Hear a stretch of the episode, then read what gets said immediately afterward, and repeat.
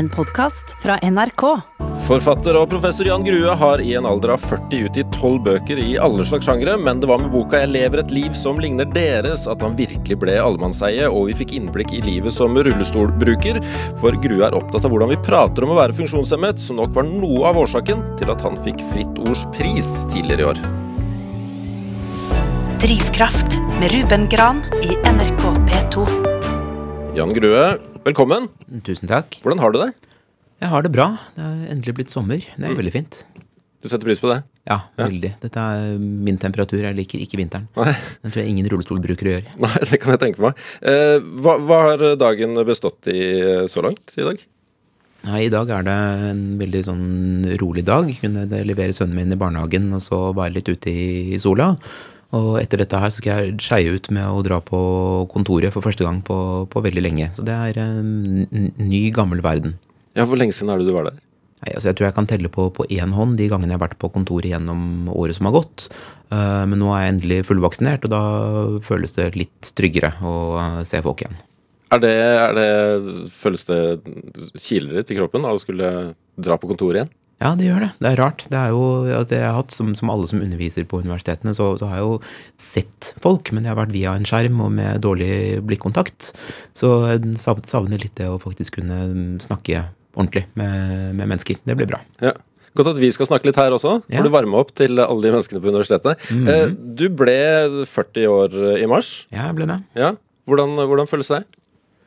Nei, det, jeg, det føles rart. Jeg er sikkert ikke den første som har sagt at det føles litt rart å, å bli 40. Um, men samtidig så er det fint, og det var en, en bedre, selv om det var en ganske isolert uh, 40-årsdag i, i, i slutten av mars, ble ikke den feiringen som jeg hadde håpet på, så var det bedre enn 39-årsdagen. Den feiret jeg om bord på flyet hjem fra California til, uh, til, til Oslo, ad omveier. Um, en hjemtur som ikke var planlagt i det hele tatt. Så 40 var bedre enn 39 sånn på bursdagen. Ja. ja, for du og familien var i California da, da dette brøt ut? Ja, vi var det. Vi skulle vært der i et halvt år uh, på et forskningsopphold. Um, jeg hadde sånn en, en forskningstermin på, på universitetet. Og min kone Ida hun skriver jo, så hun kunne ta med seg mye av jobben sin bort, uh, bort til California. Og så tenkte vi nå skal vi ha et, uh, et halvår med å gjøre noe helt annet. Og så var det veldig fint så lenge det varte. Men uh, i mars så begynte det jo å, å se ganske ille ut. Og vi lurte lenge på ja, men kan, kan vi holde ut her. Blir det så ille? Er det virkelig nødvendig å, å reise hjem? Og så tror jeg det var 25. mars så begynte vi å, å innse at nå, nå haster det ordentlig. Nå måtte vi hive oss rundt og, og skaffe oss uh, billetter hjem. Og vi kom med på det som jeg tror var det nest siste flyet som SAS hadde fra, fra Nord-Amerika til, uh, til Europa. Så det var ikke så veldig gøy. Men siden du liker sol og sommer, da. Det var ikke et alternativ å, å bare bli der? Nei, altså det var nok ikke det. Um, det vi var i, i Berkeley, som er en, en liten universitetsby utenfor San Francisco, og som er et veldig rolig sted. Og det var også det stedet i USA hvor de var raskest ute med å ta pandemien på alvor. Så de stengte ned omtrent samtidig som man stengte ned i Oslo. Og de var tidlig ute med sånn eh, påbud om, om munnbind og, og, og en del rutiner og sånt. Så vi, vi var ikke så bekymret for hvordan ting så ut der lokalt. Uh, samtidig som det var tydelig at sånn USA eh, på, på, på nasjonalt nivå var helt i, i kaos, med sånn Trump som nærmest nektet for at det var en pandemi overhodet.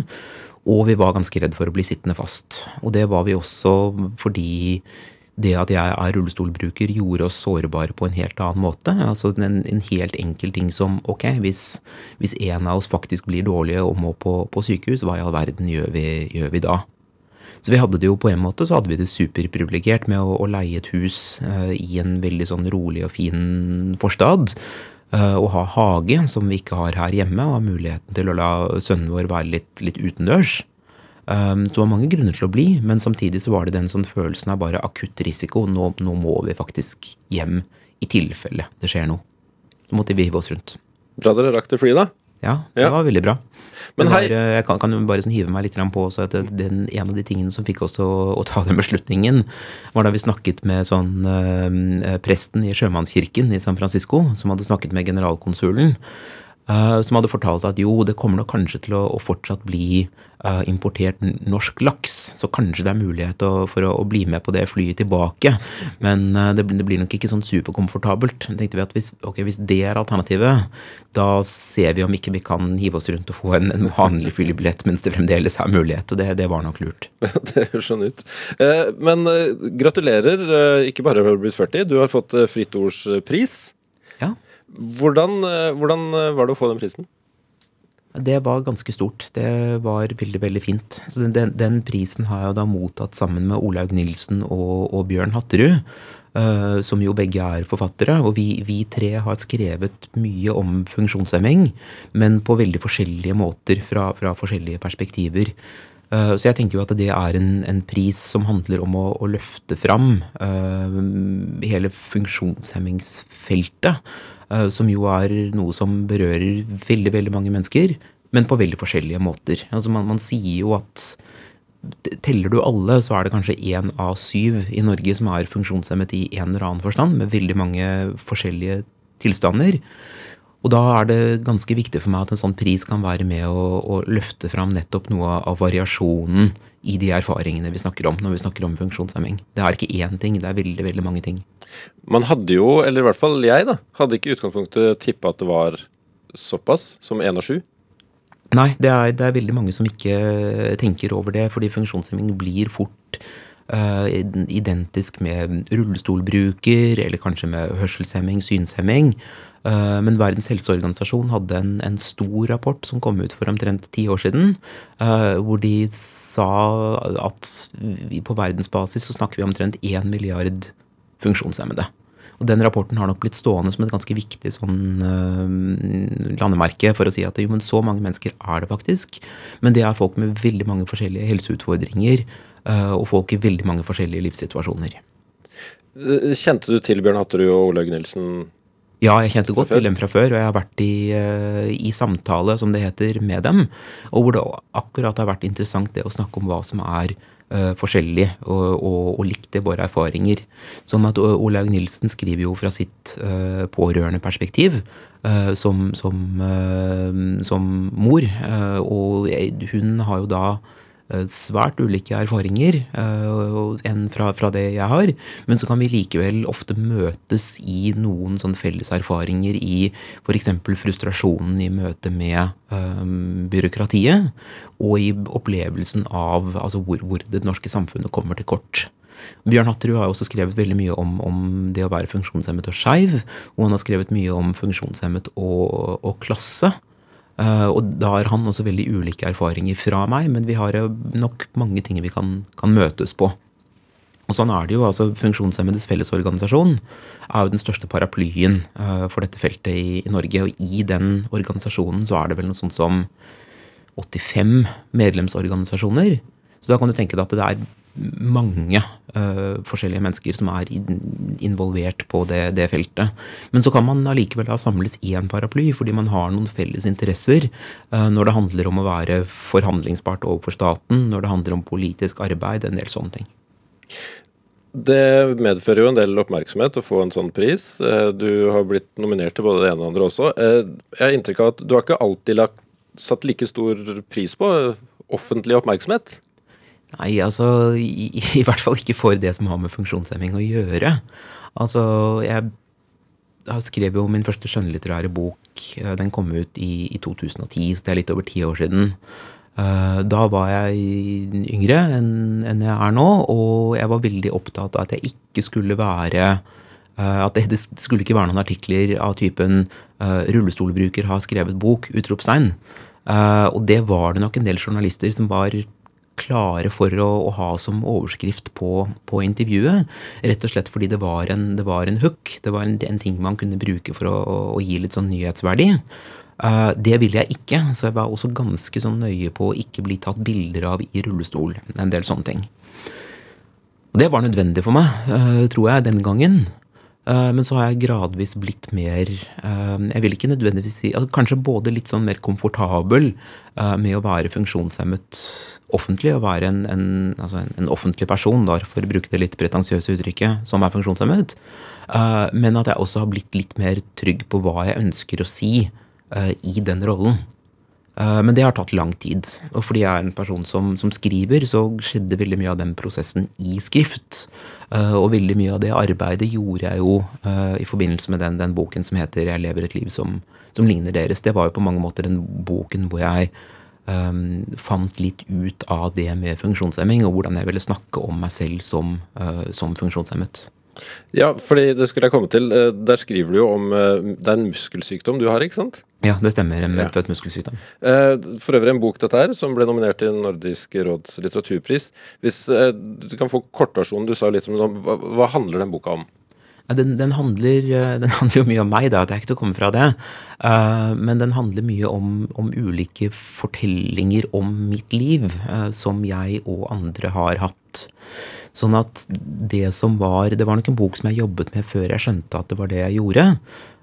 Men det som var et litt sånn vippepunkt, det, det, var noe som skjedde ikke så veldig lenge etter at sønnen min ble født. Uh, for da snakket jeg med foreldrene mine, og de, de, spurte meg om jeg ville overta en del av de papirene som de hadde liggende uh, fra, fra, da jeg var barn. Altså rett og slett de arkivene som de hadde tatt vare på. Fra alle mulige slags dialoger, krangler, søknadsprosesser med det offentlige, med helsetjenesten, med Nav og Navs forløpere. Um, alt det som på en måte, de dokumenterte det arbeidet som fulgte med å ha et funksjonshemmet barn gjennom, sant, gjennom 18 år. Uh, eller i hvert fall til den tiden hvor jeg begynte å overta det arbeidet selv. Og så sa jeg at ja, men ja, det, det, de papirene overtar jeg gjerne. Um, og det var nok også noe som var fint for dem å kunne gi videre etter at jeg hadde blitt far. At men ok, nå det, går det videre til neste, neste, generasjon. Så moren min kom opp på kontoret mitt på, på Blindern og hadde med seg ganske mange bæreposer eh, med, med, disse papirene. Det, det, var jo ikke alt, men det var det de hadde tatt vare på. på det, det, det viktigste var et par hyllemeter. Eh, og så satte jeg meg ned og leste gjennom de papirene. Og det var en ganske sterk opplevelse. For der var jo jeg omtalt uh, i eh, tredjeperson i veldig mye av ikke sant, uh, Jan Grue, uh, pasienten, barnet, problemet for byråkratiet. Omtalt på en måte som jeg kjente meg veldig lite igjen i. Altså det, jo, det handlet jo om min barndom, om mine barndomsår. Eh, men det var ganske trist lesning. Det handlet jo om sant, utredninger, diagnoser, helseproblemer, støttebehov, alt mulig sånt. Og det overlappet ganske lite med den egentlig veldig lykkelige barndommen som jeg husket. Um, så det var jo ganske sånn, det var litt sånn sjokkartet rett og slett, å, å se den sånn mangelen på samsvar med hvordan jeg ble sett av det offentlige, og hvordan jeg husket meg selv. Og samtidig så var det jo ikke sånn at jeg fullstendig uh, manglet en forbindelse til disse tekstene. Uh, jeg kjente jo igjen noe av det, og jeg husket noe av det. Jeg husket ikke sant, besøk hos leger, besøk på sykehus, en del andre sånne mindre trivelige erfaringer. Og jeg skjønte også det som sto i papirene, som var, handlet om sant, fremtidsforventninger som var veldig lave. Det var ikke noe sånn, var ikke noe sånn veldig sånn rosenrødt bilde av min fremtid som lå i de papirene. Så jeg prøvde jo å skrive den boken for å, å forsone de to fortellingene da, på en måte. Og også for å tenke gjennom ja, hvor mye av dette her hadde jeg båret med meg opp gjennom årene. Hvilke forventninger hadde jeg hatt til min egen fremtid? Hva var det jeg hadde vært redd for hele tiden? Um, hva var disse sånn historiene om, uh, om å vokse opp som, uh, som, som et funksjonshemmet barn? Lærte du noe om deg selv mens du skrev den boka? Ja, ja, ja absolutt. Um, det, jeg tror det var, det var mye sånn man kan nesten kalle det emosjonelt arbeid da, i den, den boka. Med å, å, forsone meg litt med de tingene som jeg hadde vært redd for. Uh, og jeg hadde jo en sånn Jeg hadde jo en, en, um, en, annen prognose. En mye dårligere prognose enn det som viste å være tilfellet. Jeg hadde jo f.eks. For ikke forventet å kunne gå uh, da jeg ble 20 år gammel. Um, og jeg går jo fremdeles uh, litt uh, nå, nå, i dag, når jeg er 40. Så jeg, det har gått bedre sånn sett rent sånn helsemessig enn det jeg hadde trodd det skulle gjøre. Uh, men den følelsen av å ha en ganske sånn laber prognose ga meg jo en følelse av å ha innmari dårlig tid. når det gjaldt det ikke sant, å få utdanning og komme meg litt ut i verden og oppleve ting. Uh, og det, det, er jo en ganske sånn Det er ikke en veldig hyggelig følelse å bære med seg som ung. Og sånn, ha den der sånn, følelsen av virkelig sånn Nå, nå haster det. Så det, det, var en ting som jeg ikke jeg nok egentlig kunne tillate meg å kjenne på den gangen. Men som sant, etter at jeg hadde blitt gift, etter at jeg hadde blitt far, så det, kunne jeg på en måte tillate meg litt å, å, å puste ut. Og kjenne litt på de følelsene. Og tenke på, på hva det gjorde med meg den gangen. Hva, hva, var årsaken til de dårlige prognosene? Var det grunnleggende pessimisme, eller var det bare at det ikke helt Nei, altså det, jeg tror Kortversjonen er nok det at uh, medisinen og den medisinske genetikken har kommet mye lenger i dag enn den hadde. At jeg hadde en diagnose som heter spinal muskelatrofi.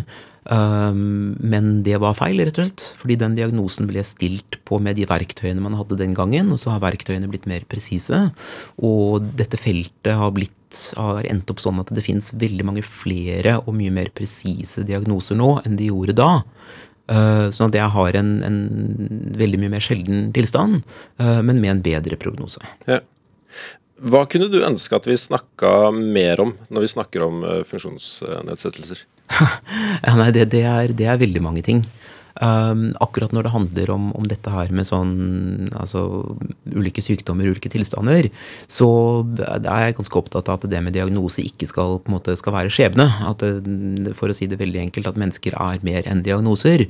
Men, men det er et lite poeng i den store sammenhengen. Altså det, det som jeg er, er mye mer opptatt av, det er at vi snakker om funksjonshemming i sammenheng med veldig mange andre ting at det er um, Jeg syns det, det, blir tullete det med at man skal, på en måte, skal se forbi funksjonshemmingen. Uh, det syns jeg ikke det er noe poeng i å gjøre. Men jeg syns det er et veldig stort poeng at man skal se funksjonshemming som én side av måten folk lever på, og, og i det, samfunnet og i de sosiale sammenhengene som folk lever. Så altså, hvis jeg skal snakke om, om mitt liv, uh, så handler det jo Altså ja, jeg er rullestolbruker. Uh, jeg er far. Ehm, jeg er ikke sant, eh, hvit, heterofil akademiker i, i, fast jobb. ikke sant, Noen av de tingene som er mine ehm, Som er sider ved mitt liv, er noe som gir meg noen kjempestore privilegier. Andre ting gjør meg veldig veldig sårbar. Og de tingene samvirker. Så det blir jo litt sånn som i California. ikke sant, at På en måte så var jeg og familien min superprivilegerte der borte. Eh, på en annen måte så var vi veldig sårbare og hadde ganske mye sånn ekstraarbeid. Altså F.eks. bare det å skulle finne en flybillett hjem med en diger elektrisk rullestol. Det var ikke bare bare. Så andre kolleger som jeg hadde der borte, som ikke hadde de ulempene og utfordringene, de kunne være der mye lengre. fordi jo, men det ville jo bare være å finne en eller annen måte å komme hjem på når det kom, kom så langt. Um, mens vi kunne ikke gjøre det. Vi måtte planlegge, vi måtte jobbe. fordi hvis det faktisk smalt, så vil det spille mye hardere for oss. Så funksjonshemming er en del av en mye større samfunnsmessig vev. da. Det jeg tror jeg er det aller viktigste poenget mitt. Har, har det bedra seg de senere åra? Er forståelsen eh, økt? Altså, på en måte ja. At forståelsen tror jeg nok har økt. Og den Fritt Ord-prisen er nok sånn, et litt sånn tegn i tiden på at den sånn kulturelle forståelsen for, for funksjonshemming har blitt, blitt større. Det, det, det, tror jeg nok. Men samtidig så er det en del andre ting som har hardnet veldig til med dette her med altså produktivitetskrav, da. Uh, og hva man skal leve opp til. Altså Som en sånn ting som at i, i for, for 20 år siden så fikk jeg veldig mye av min utdanning sponset gjennom det som da het yrkesrettet attføring, eh, og som nå er foldet inn i arbeidsavklaringspengeordningen til, til Nav. Og jeg fikk fem år. Eh, jeg fikk lov til å ta en, en, en master eh, med den formen for, for, støtte fra det som da den gangen het A-etat. Og nå er jo det avkortet. altså Nå er det uaktuelt å få den typen støtte til en universitetsutdanning. Fordi man skal raskt ut i jobb. Men for meg som rullestolbruker så var det helt avgjørende å få lov til å ta en akademisk utdannelse for å kunne spesialisere meg uh, til et punkt hvor jeg kunne da også søke jobber som var mer spesialiserte, men også mer fleksible. Altså, jeg har ikke stamina uh, til å sitte rett opp og ned og jobbe faste åttetimersdager. Uh, men jeg kan jobbe veldig godt og fungere veldig godt i den mer fleksible arbeidshverdagen som en akademiker har.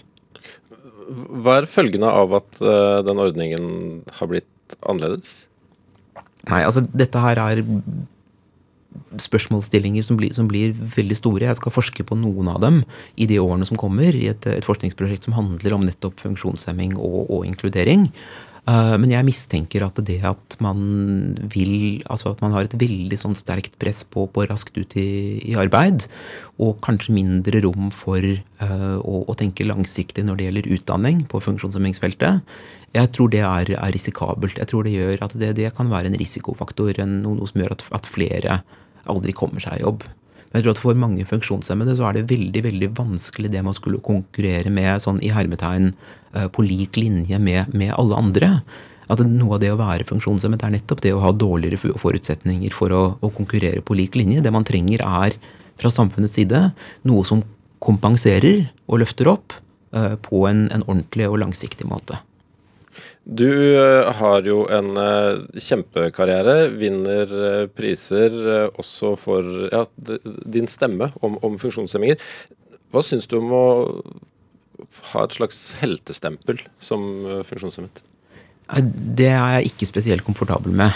Um, altså det, det, ene som jeg har prøvd å skrive om litt før, er at jeg hadde uh, en del privilegier og ressurser som veldig få uh, funksjonshemmede vokser opp med. Det aller viktigste er to foreldre som både stilte opp noe vanvittig, og som hadde kompetansen uh, og jeg vil si den sånn politiske viljen til å ta en del kamper på, på mine vegne. Jeg vokste opp også opp i et, et, miljø og med venner som var med på å, å løfte. Og der det var på en måte en, en, en selvfølge i hermetegn at man tok akademisk utdannelse. Så jeg hadde, jeg hadde veldig mye drahjelp der.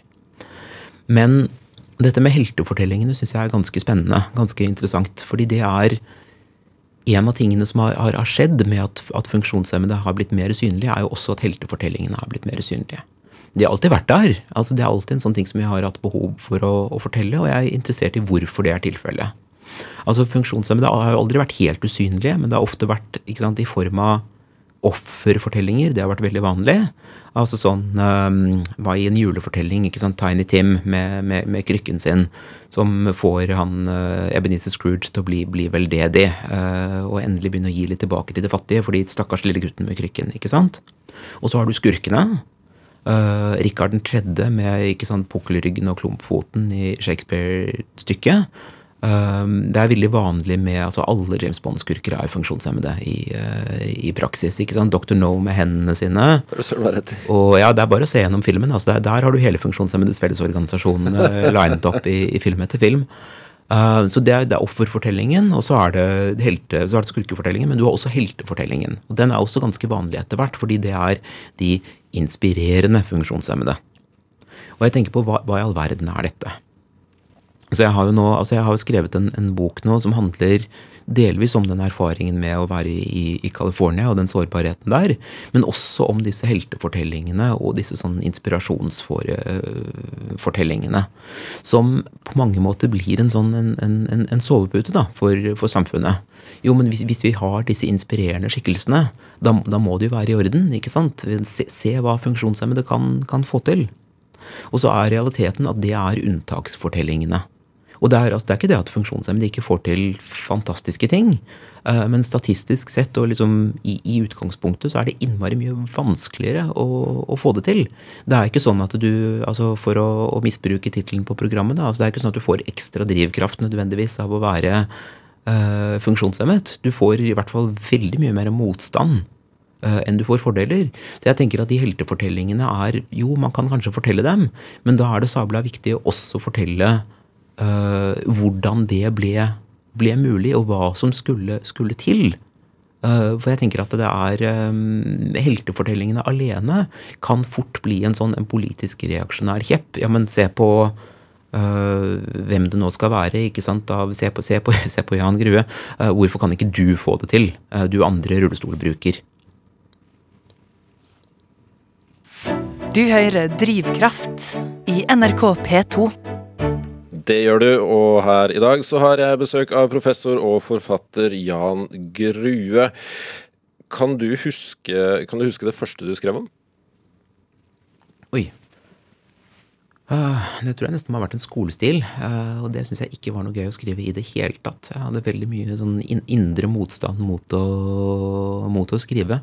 Så jeg tror det var noe som uh, Sikkert en, sånn noe som jeg prøvde å sitte og skrive hjemme, og som moren min sånn vekselvis lokket og prøvde å oppmuntre meg til å, å få skrevet ferdig. Hva, hva var det som butta Nei, Det lurer jeg på, altså. Men jeg tror det er, det er noe med å bli, bli, tvunget til å skrive som jeg aldri har, uh, har, likt. Og så har det vært gått veldig mange år med å, å gradvis bli mer og mer glad i å skrive. Uh, og, og, og, oppdage hvor, hvor, mye jeg har hatt lyst til å skrive om, da, når jeg ikke er tvunget til det. Ja, Når begynte du å skrive, skrive av lyst?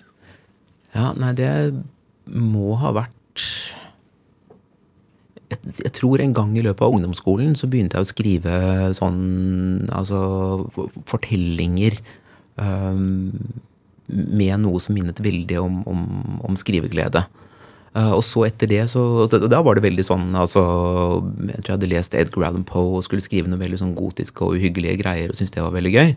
Um, og så gikk det ganske mange år hvor jeg isteden ble veldig flink til å skrive resonnerende stil. Uh, fordi jeg hadde begynt å skjønne sånn at det, det kom til å være ganske viktig for meg å få gode karakterer. Um, igjen for å få en akademisk utdannelse, for å kunne få en jobb som jeg faktisk kunne gjøre. At jeg hadde begynt å bli en sånn ungdom som, som planla veldig langt fram. Og tidlig, tidlig karrierebevisst? Veldig tidlig karrierebevisst. Av frykt for å, å falle helt ut av frykt for at jeg skulle ende opp på, på, på uføretrygd og ikke få jobb i det hele tatt. Det, det, var noe jeg var ganske redd for, altså. Um, så da ble jeg veldig opptatt av å gjøre det bra på skolen og skrive de riktige stilene. Og på en måte få den, den sånn seife sekseren var, var målet da. Og da ble det resonnerende stil. Ja, hva er en resonnerende stil? Det er lenge siden jeg gikk på skolen. Nei, Da er det sånn for og imot, drøfte, uh, bruke fremmedordene. Og de tingene var jeg litt sånn urovekkende god til. Jeg hadde sikkert litt om å være akademikerbarn, men der, eh, i anledning 40-årsdagen så gikk min kone tilbake og, og, gravde opp noen gamle stiler jeg hadde skrevet. Og det var liksom sånn Jo, det er ikke så langt unna noe professoren kunne ha skrevet i dag. Nei. Så det, det, var ikke helt bra. Um, kjente du igjen den Jan? som ja, var i det stilet? Det er en sånn ganske snusfornuftig tone, da. Så det, det, det gjorde jeg. Uh, og, det funket jo ganske bra på både videregående og inn på, på universitetet. Der blir jo sånn snusfornuftig stil uh, belønnet. Um, og så tror jeg ikke det var før altså det, som, det som skjedde, var nok at jeg leverte masteroppgave. og Den, den leverte jeg sånn ca. en måned før tiden for å være, for å være helt sikker. Uh, veldig mye sånn nevroser på gang der. Men så hadde jeg ganske mye tid den, den, våren jeg hadde levert master. Og så tenkte jeg hva i all verden skal jeg, gjøre, skal jeg gjøre nå? Og så var det en stemme i meg som sa men nå, nå kan du jo bare skrive en roman. Uh, og så gjorde jeg det. Den, den, våren og den sommeren. 2006 var vel det. Uh, og så skrev jeg en roman. Uh, ikke en spesielt god roman, men akkurat god nok til å bli, bli vurdert, og så refusert i, i tur og orden hos, hos tre forlag. men da oppdaget jeg at men, jo, men jeg har nok lyst til å skrive litteratur. Og så søkte jeg på, på Aschehoug skriveskole og kom inn der og hadde et utrolig fint år med å rett og slett oppdage skrivegleden og begynne å skrive helt andre ting enn det jeg hadde planlagt. Hvordan opplevde du å bli refusert? Uh, nei, det var ikke noe gøy. Det er jo ingen som liker det. Uh, men jeg er ganske glad for det nå, for den romanen var jo Det var nok ganske riktig at den ikke skulle utgis. Um, jeg tror det er ganske viktig å ha skrevet en, en del ting som, som, aldri skal utgis, men hvor man bare begynner å lære håndverket. For du debuterte med novellesamling? Ja, det var i, i 2010. Og det var noveller som begynte på den, den skriveskolen tre år tidligere. Uh, hvor jeg rett og slett prøvde bare å tenke på, for å bruke klisjeen, da, hvor, hvor, er det det brenner? Hva er det som er en eller annen sånn idé eller stemme eller et bilde eller et eller annet som bare vil bli skrevet? Og så prøve å finne ut hva det er. Mye av eh, det du har, har skrevet uh, av det skjønnlitterære, det er litt sånn fjernt fra virkeligheten. Eh, kanskje spesielt i uromomenter. Mm. Hva, hva, er det med Jeg vet ikke, Det er jo ikke science fiction heller? Nei, det er ikke det. Eh, det er jo noen som har kalt altså Hvis man kan kalle det en sjanger, så er det kanskje sånn spekulativ fiksjon. Ja, fantastisk og litteratur. Ja, så jeg har jo en av de forfatterne som jeg har lest veldig mye og satt veldig mye pris på, men som jeg fremdeles ikke klarer å uttale navn, navnet til. Det er Jorge Luis Borges. Eh, den sånn søramerikanske mm, ja, fabulerende forfatteren, da. Som har en sånn Han skriver Han skrev veldig konsentrerte, ganske korte tekster, men hvor det er utrolig mye fortettede ideer. Uh, som var virkelig sånn helt sånn magiske å lese for meg uh, første gang jeg kom over dem, og som jeg fremdeles tenker på som noe av det beste som er skrevet i, i, i sin sjanger. Hvor du kan gjøre egentlig hva som helst Ikke uten forbindelse til virkeligheten, men du kan lage sånn parallelle universer. Du kan følge opp de villeste ideene. Uh, du kan tenke ut de, de tankene som, måte, som, til enhver tid slår deg. Og det syns jeg har vært en veldig morsom måte å jobbe på, fordi det er, det er noe helt annet enn den sånn uh, tørre, snusfornuftige måten å skrive på. Du kan heller bruke den snusfornuftige stemmen og så gjøre narr av den. Han har veldig mye sånn alternative leksikon og uh, litt sånn kvasi-akademiske fortellere, og så skjer det de villeste ting med dem. Men er det, er det litt av han uh, Edgar Allan Poe fanen fra ungdomsskolen som Ja, altså du, det, det, tror jeg du har rett i. At det er noen forbindelser der. At det er, det er noe med å på en måte forlate sånn kjøkkenbenkrealismen. Og tenke at det, hvis litteraturen kan, kan, gjøre så mye mer enn det, kan det åpne et helt annet, annet, rom inn i det som er veldig mye mer drevet av ja, fantasi og spekulasjon og uh, rare forestillinger. Da blir du desto lenger fra de, fra de sakprosabøkene òg?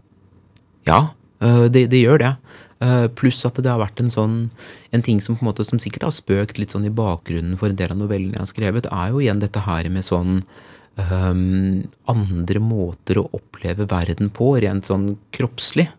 Um, jeg har jo skrevet om ting som ikke handler direkte om funksjonshemming, men som kanskje handler litt om det allikevel, bare fordi det handler om ideen om hvordan det er å være en annen kropp. ikke sant, Å være en, en kyborg, um, være en minotaur. Det var vi liksom litt inne på i en novelle for lenge siden. Uh, men at det går an å tenke andre verdenserfaringer, da, rett og slett. Ja, hva, hva tenker du om det at leseren eventuelt leser novellene dine med i bakhodet forfatteren sitter i rullestol? Nei, det, det, tenker jeg er ganske morsomt. at Det er jo, det er ikke ment å være liksom sånn veldig sånn overtydelige allegorier. Men en av de tekstene som var morsomst aller mest morsomt for meg å skrive, sånn i den første boka, uh, den handler om hvordan Oslo ville sett ut hvis uh, det hadde vært uh, kanaler her, altså som i, som i, Amsterdam. Og så begynte jeg å tenke litt sånn ja, men Oslo er jo ikke en flat by, du kunne ikke hatt kanaler her. Men jo, men du kunne jo det hvis du hadde hatt veldig mye sluser, som i, i Telemark, ikke sant, med ulike nivåer og sånt. Og så bare penslet jeg ut den, den, ideen. Og det var nok Jeg tror ikke, kanskje ikke jeg ville kommet på den ideen hvis ikke jeg hadde brukt ganske mye tid på å være rullestolbruker i uh, å forholde meg til et kollektivsystem som er ganske upraktisk for rullestolbrukere. Hva hvis du hadde hatt en annen løsning, men som var sabla upraktisk for for alle. Altså, Jeg skal ikke liksom si at det bare er på den måten ideen har kommet, ut, men jeg tror det har vært en impuls. da, At det er noe med rett og slett måten jeg er i verden på, uh, som gir meg andre ideer og uh, ja, skaper andre impulser i skrivingen. Driver du mye med Fantaserer og dagdrømmer du mye? Jeg gjør nok det. Altså det er, jeg, jeg tror det er mange, mange, som skriver som har det litt på den måten at du Noen av de beste ideene og noen av de tingene som du merker at eh, er dypest forankret i, i skrivelysten, det er de tingene som dukker opp når du ikke helt følger med. Så for min del så er det sånn tidlig på morgenen jeg ikke helt har våknet, eh, eller i, i dusjen, eller om, om, kvelden, sånn akkurat i liksom de, sånn, de minuttene før før jeg sovner, uh, og merker at sånn kontrollen gir litt slipp, uh, og halvveis på vei inn i drømme, da kan det dukke opp et eller annet. Og hvis den, sånn, hvis den tanken fremdeles er der neste morgen, jeg kan skrive den ned i en notatbok, ja, men da, da er det kanskje noe å jobbe videre med der. Det regner med at det er litt annerledes når du skriver sakprosa? Ja, altså det, det, er jo det jeg gjør på jobb. Um, altså Nå er jo for så vidt jeg lever et liv som ligner deres, Det er jo også sakprosa. Det er litterær sakprosa. Men vitenskapelige artikler og, og bokkapitler og lærebøker og sånt som jeg også skriver en del av, uh, det er mye mer planmessig. Og da, det handler jo mye mer om å Det er på en måte, mye mer sånn landeoppmåling. At da er det et sånt felt som skal dekkes, som skal forklares på en ryddig måte. Eh, det er forskningsresultater som skal legges fram på en mest mulig ordentlig måte. Selv om jeg merker at jeg også, sånn ettersom årene har gått, eh, blir mer opptatt av å ha et rom for å skrive mer essayistisk, da, også i fagskrivingen. Sånn at De siste årene så jobbet jeg jo en del med et, et forskningsprosjekt som handlet mer om uh, litteratur og kultur. Uh, og da begynte jeg også å skrive mer litterært og esaistisk i det faglige. Så ting blander seg jo litt sammen da, etter, etter hvert som jeg har jobbet mye i ulike sjangere. I, I, mye av det du skriver, eh, det slår meg at det er kanskje det litteraturen handler om i det hele tatt, så, så, så skriver du om eh, og, og, ser på hva et menneske uh, egentlig er. Ja. Uh, hva tenker du er et fullverdig menneskeliv? Ja, altså det, det, skulle jeg ønske jeg hadde et svar på. Det, det er liksom fristende å vise til de, de, gamle grekerne med sånn forestillingen om at eh, et, et liv som får, som får blomstre, uh, som får realisere noen sånne en, en, form for iboende potensial. Det er et veldig vagt svar, men det er eh, Jeg tror ikke jeg klarer å gjøre det så mye mer presist enn det. Men jeg kan, altså jeg kan si en, en, god del om hva som ikke regnes for å være et fullverdig menneskeliv. Um, og det, det, er jo på en måte, det er nesten lettere for meg å svare på, på det. Fordi det, er så tett innvevd i den, den erfaringen med å uh, og, forstå at man er funksjonshemmet. Og også da ikke sant, møte alle de fortellingene samfunnet kommer med om at jo, men du kan da umulig leve et, et fullverdig liv, du som.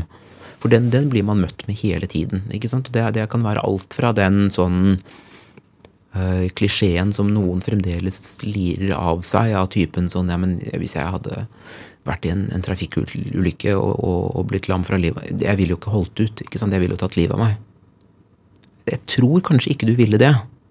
Altså, det er ingen som drømmer om å, å, å, å være igjennom en sånn opplevelse. Men de aller, aller fleste lever videre og, og, og, har gode liv både etter det og etter andre traumatiske livshendelser. Men vi er så, så vant med en del sånne klisjeer og, og, tankemåter og ting som, som nedvurderer og devaluerer livet som funksjonshemmet. Og tenker på sant, I populærkulturen overalt, den, sånn, den derre boken og filmen Et helt halvt liv, uh, Jojo Moyes, ikke sant, som jo, hvor moralen er at hvis du er rullestolbruker, så er det nok best for alle om du tar livet av deg. Er, det sant? Jeg har ikke lest den. Den er ganske gjennomgripende. altså. Og det er mange fortellinger, både filmer og bøker og andre, som kolporterer den, den, den, den moralen hele veien. Hva, altså, hva, hva, føler du da, når du utsettes for det? Altså, jeg Jeg har jo lenge vært vant med at disse fortellingene er der. For det er jo hvordan det er å, sant, å, vokse opp som funksjonshemmet. Du blir møtt med den typen ting hele tiden. Enten så er du en inspirerende helt, eller så er du et offer, eller så er du en skurk. Uh, og forresten, her er alle de andre fortellingene som, som devaluerer deg, som gjør deg til en klisjé. Så det har tatt meg ganske lang tid å bli uh, så sint som jeg faktisk er, da, uh, av at disse fortellingene er, er overalt. Og så er det klart Man vil jo ikke være funksjonshemmet og, og sint. Det er en litt sånn uh, dårlig posisjon å, å, være i. For da er man jo bitter. ikke sant? Da er man en bitter krøpling. Får man det stempelet på seg. Så jeg har jo anstrengt meg ganske mye for å, å, å veldig sjelden være sint i det offentlige rom. Uh, og si ting med, med innestemme. Og det, da er det lettere å, å få gehør. Uh, men det er klart at dette her er grunnleggende opprørende ting. Uh, og så har jeg jo da hatt Eh, noen av mine nærmeste har nok hatt lettere for å bli sint på, eh, på mine vegne. Og min kone har jo også fått høre fra den dagen vi ble sammen, utrolig mye rart og invaderende og nedvurderende om, om vårt forhold. Uh, og hun jo, hadde jo ikke vokst opp med dette, så det var nok lettere for henne å, å slippe ut det sinnet uh, tidligere og, og sterkere Eh, enn jeg hadde tillatt meg å gjøre. Og så ble det da lettere for meg igjen å også si at ja, men dette her er jo for jævlig. Å kunne være sint sammen. Det var jo bedre. Vi skal eh, bedrive noe mye lystigere nå. Mm. Fordi jeg har inntrykk av at du er, eh, du er glad i musikk. Det er jeg. Hvordan, hvordan bruker du musikk? Oi, uh, veldig forskjellig nå fra for et par år siden. Altså I småbarnstilværelsen så har det vært veldig deilig å ha det stille de gangene jeg har kunnet ha det stille. Så jeg hører nok mindre på musikken jeg, enn jeg gjorde før. Uh, men jeg bruker det fremdeles en del i, i, skrivingen. Altså Om jeg sitter og skriver, så liker jeg en del sånn altså barokkmusikk. Altså ting som er, liksom, har litt sånn gjentagende motiver. Også en del sånn amerikansk minimalisme, sånn Philip Glass og Steve Reich, og, og de som, hvor man kan på en måte komme litt mer inn i en, en rytme. Uh, men jeg har også hørt veldig mye på musikk for, for tekstene. at det er, jo, det er, jo, det poetiske. Det er jo det veldig sånn, det med sånn de konsentrerte tekstene. Og det syns jeg er veldig, veldig fint. Og det er et eksempel på det du har med deg nå, i form av uh, Magnetic Fields som du har eh, ikke bare hørt på teksten til, men vært og, og nytt uh, i konsert flere ganger? Ja, jeg tror det, det er kanskje det bandet jeg har hørt live flest ganger. Og det har vært uh, veldig veldig fint. Hørt dem en del ganger over det som nå begynner å bli en ja, to, to tiår, rett og slett. Hva er det med teksten her som, som griper deg, hvis den gjør det? Nei, altså akkurat, akkurat, den vi skal høre nå, handler jo om litt det vi har snakket om. Det å på en måte være litt sånn på, jakt etter hvilken fortelling man, man, er i. På jakt etter en, en, en fortelling man kan trives i. Uh, men Stephen Merritt, som har skrevet, skrevet disse sangene, er jo generelt bare opptatt av av dette, av på en måte fortellinger, og, og hvordan fortelle en historie på ulike måter. Og låta, det er 'Two Characters in Search of a Country Song', tatt med av eh, Jan Grue.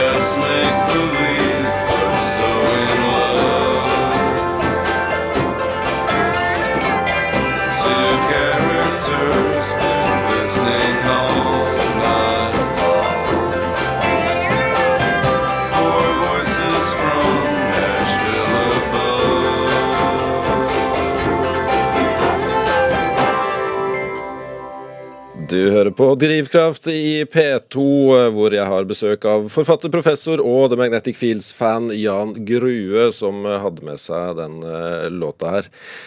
Det Gjør seg fint på radio, den. Ja, er bra sånn skranglete radiomusikk. Mm. Eh, hva slags Du var inne på det i stad. Du kom fra en eh, akademikerfamilie. Mm. Hvordan var, hvordan skulle du beskrive, vil du beskrive stemningen hjemme hos dere da du vokste opp?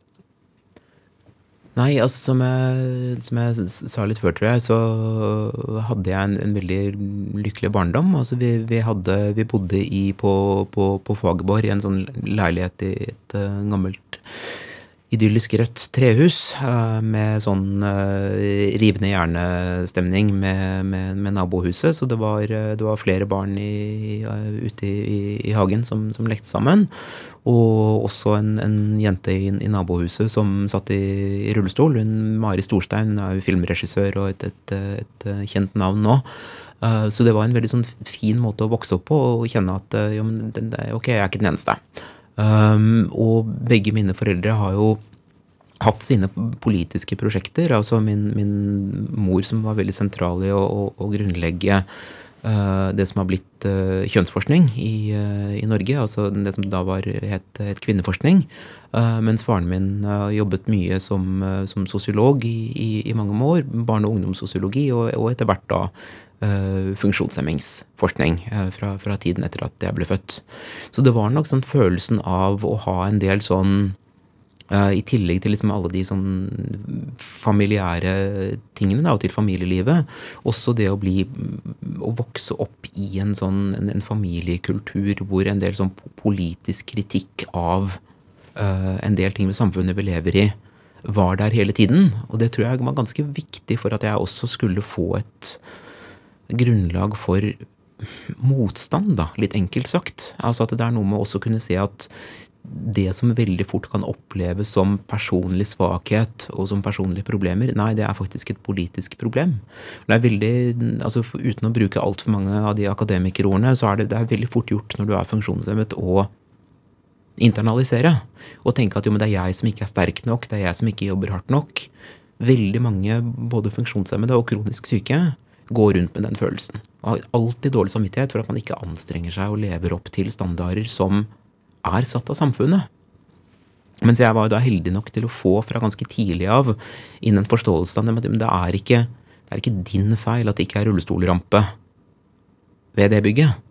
Det er ikke din feil at du må slite deg opp den, den trappen, selv om det egentlig er for krevende. Her er, det, her er det, et politisk problem. Den, den tok jeg med meg, og den var veldig, veldig viktig. Du var skoleflink, i hvert fall til å skrive stil etter ja. hvert? Jo da. Det, var, eh, altså det handlet jo også litt om, om mestring, tror jeg. At det var, um, det, det, var en arena hvor jeg kunne, kunne, hevde meg ganske godt.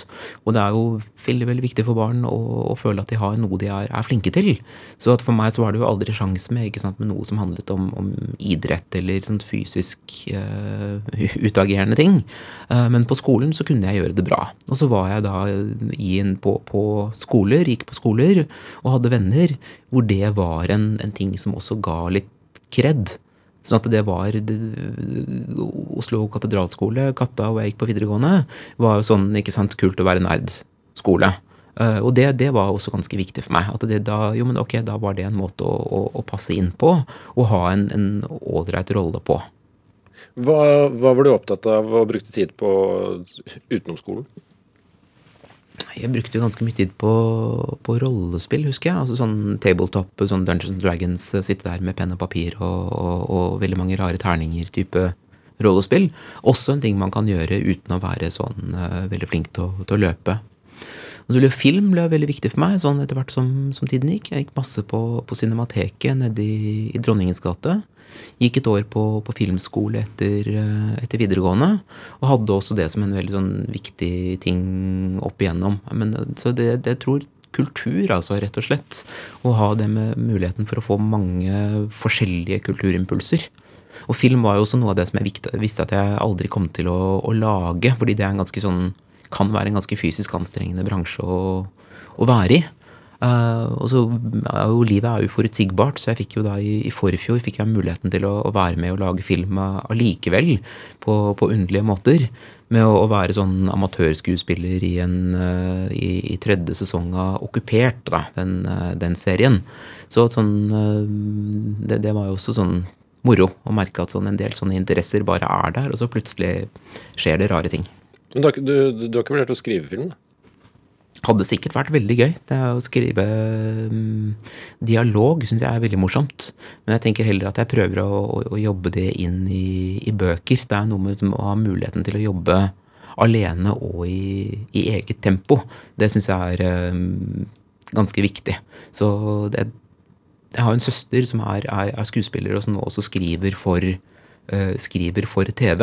Og jeg merker at hun, hun er nok den, den, den av oss som passer best til det. Bare med, rett og slett med å være noen som trives veldig veldig godt med å, å samarbeide. Og lage writers room og ha hele den sånn arbeidsformen. En del av meg er veldig opptatt av å, å, å rett og slett lukke døren, være i fred og skrive for meg selv. Men fra de la oss kalle det formative åra, hvilke, hvilke, filmer er det som liksom står igjen som favoritter fra, fra da? Det er, det er, masse rart. Altså, jeg, liker, jeg, liker, veldig godt sånn godt skrevne filmer. Uh, enten det er sånn filmene til, til Cohen-brødrene, uh, eller sånn en del av Woody Allens tidlige, og litt sånn hvor, hvor dialogen er veldig, veldig, viktig. Men jeg liker jo også ting som er, altså, som er rent visuelt, og som er ting som er så langt fra noe jeg kunne klart å lage selv.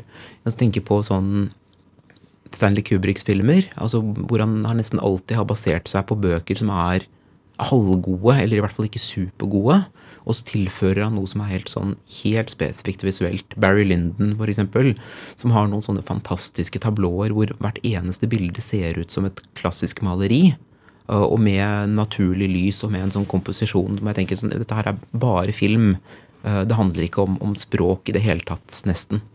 Eller Tarkovskij, da. Sånn, altså hans filmer, som er eh, den russiske regissøren Andrej Tarkovskij, hvor ting er igjen rent visuelt. At det er jo ganske sånn Det blir som musikk. At jeg syns det er veldig flott med kunstarter hvor jeg bare kan være tilskuer, lytter, og ikke trenger å tenke jo, men jeg ville gjort på den måten. som jeg veldig ofte, Eller sånn, hvordan fikk du til det? Som jeg veldig ofte gjør når jeg leser bøker.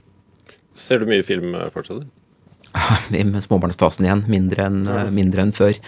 Og som, som, alle andre så har Ida og jeg migrert mer til, eh, til, til TV-mediet. Så vi så gjennom, gjennom, vinteren så så vi Sopranos fra, fra, begynnelse til slutt. Det er klart at det er jo en, en filmatisk og visuell opplevelse. Uh, men også en sånn TV-spesifikk. Ok, dette er en fortelling som du faktisk trenger 86 timer på å, å fortelle. Det var, ganske, det var, en stor kunstopplevelse, altså. Spredd utover hele vinteren. Du har jo jobba med, med, film på den måten at du var redaktør i uh, filmtidsskriftet Sett. Ja. ja, det var jeg. Ja. det var en stund siden. Ja, du, du, du, savner ikke det? Um, altså Redaktør syns jeg er ok, det er jo noe i, igjen. Uh, men uh, det er en sånn Jo, det var morsomt å jobbe med film, og det var morsomt å skrive om film, og det gjør jeg fremdeles. Det har bare tatt litt andre former. så at Jeg jobber det inn i det akademiske og prøver liksom å f.eks. skrive kritiske artikler om Georgia Moyes og andre typer, uh, typer, stoff. Så jeg liker å ha den berøringen med det. Det er veldig mye bra råmateriale der, også inkludert disse James Bond-skurkene og mye, mye annet. Eh, men det er nok mer det at sånn, det, det, det, kommer tilbake. Det er et sted jeg kan gå for å hente stoff og for å hente temaer. Så den, den, eh, ja, den boka som da kommer ut i august, som heter 'Hvis jeg faller', eh, den har jo også mye filmatiske eksempler fra, ja, fra, fra film og fra TV. Jeg kommer litt innom Sopranos og mange andre ting som jeg liker der også. Det er jo bare noe med å bringe opp de tingene som man er glad i. Da du gikk på la oss si, ungdomsskolen, hva var det du så for deg, eller fantaserte om å bli det når du ble stor da? Nei, Da var jeg så kjedelig at jeg fantaserte om å bli akademiker. Og det, det, det handler nok litt om, sånn, om, om, dette med fallhøyden. At jeg hadde nok Jeg tror kanskje allerede på ungdomsskolen altså, så hadde jeg et ganske nøkternt forhold til hva jeg trodde jeg kunne få til. Uh, og så hadde jeg begynt å skjønne at jo, men jeg er skoleflink. Hvis jeg faktisk anstrenger meg, så kan jeg kunne klare å bli akademiker. Og det vil være en jobb som jeg rent fysisk kan utføre på en måte som jeg ikke kan gjøre veldig mange andre ting. Jeg var jo, altså jeg var jo på denne, ja, på Oslo katedralskole, da. Så en, operasjon dagsverk så hadde jeg utplassering på Utenriksdepartementet, fordi det var sånne ting man, man gjorde på den skolen. Um, og da var det også på en måte bare en påminnelse om at ja, men gud hjelpe meg, altså hvordan i all verden skulle jeg klart et liv i aspiranttjenesten, i utenrikstjenesten, om jeg så hadde drømt om det, med masse reising og ekstremt høye krav til liksom å være fysisk til stede, orge, fikse, løpe rundt. Så den, den døren lukket jeg ganske tidlig. Um, så den, en form for sånn nøkternhet og realisme der, det, det, det, var nok noe som rett og slett fulgte med det å være rullestolbruker. Bare å være på Victoria terrasse og se at jo, men her er det trapper overalt. Skal de, liksom, skal de begynne å tilpasse disse byggene for, fordi én aspirant søker og er i rullestol? Det spørs nok, det. ja. Uh, jeg må jo spørre, hva, hva er drivkraften din? Oh, um jeg tror at, altså For å prøve å svare litt ordentlig, så er jeg veldig opptatt av dette med å skrive, og det å skrive fram en, en motfortelling. Altså Som vi har vært inne på en del ganger, så er det så mange ganger jeg har blitt fortalt, eller på en måte har forholdt meg til måter verden sier at det er på denne måten. Og jeg får et ganske sterkt behov for å si at nei, det er faktisk ikke på den måten. Dette er verden sånn som jeg ser den tipper det er en sånn drivkraft som jeg deler med, med ganske mange forfattere. Men altså rett og slett et ganske sterkt uttrykksbehov. da. Og det er noen sånne sider av verden som jeg tenker er ganske dårlig belyst og ganske dårlig forklart og forstått. Hvor jeg kanskje kan hjelpe til med å forklare det litt bedre. Jan Grøe, tusen takk for praten. Takk skal du ha. Fryd å ha deg her. Og hvis eh, du som hører på vil høre flere Drivkraft-samtaler, så kan du gjøre det i NRK-appen, eller du kan eh, laste oss ned som podkast der du liker å laste oss ned som podkast. Så må du gjerne sende oss eh, ros eller ris eller tips til mennesker som du mener har drivkraft. Vi hører veldig gjerne fra deg på e-post drivkraft, krøllalfa, nrk.no. Produsent og research i dag er det Julia Martinsic som har stått for. Jeg har vært Ruben Gran. Ha det godt. Vi hørs. Du har hørt en podkast fra NRK. Hør flere podkaster og din NRK-kanal i appen NRK Radio.